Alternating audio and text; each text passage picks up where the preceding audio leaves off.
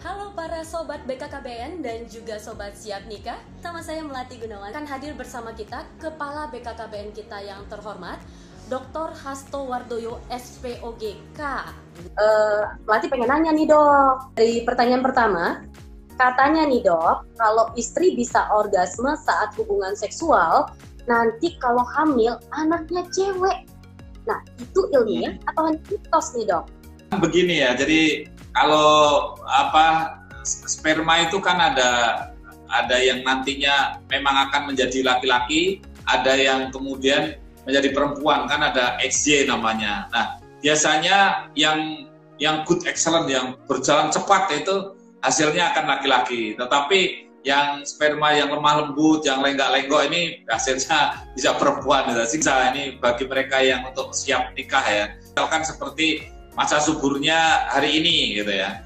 Kemudian hari ini juga ini nikah, dan hari ini ada malam pertama misalnya begitu. Tapi masa subur hari ini, maka sperma yang yang good excellent yang menang itu itu cenderung sperma yang akan jadi laki-laki gitu ya. Tetapi kalau misalkan uh, masa suburnya masih uh, katakanlah masih dua hari lagi, kemudian sekarang sudah sudah bulan madu misalnya begitu ya, uh, maka nanti sperma-sperma yang akan jadi laki-laki dua hari lagi itu sudah banyak mati gitu.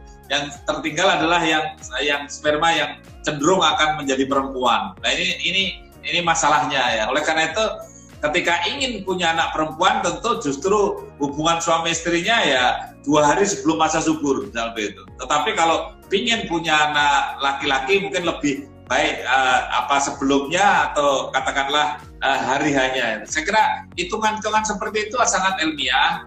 Jadi kalau misalkan tadi ada istilahnya yang uh, apa mitos ya, memang uh, banyak juga mitos-mitos. Saya kira begitu, Mbak. Oke, jadi para sobat sekalian sudah jelas ya bahwa kalau istri bisa orgasme satu hubungan seksual, terus anaknya kalau hamil jadi cewek, ternyata itu adalah mitos. Ya.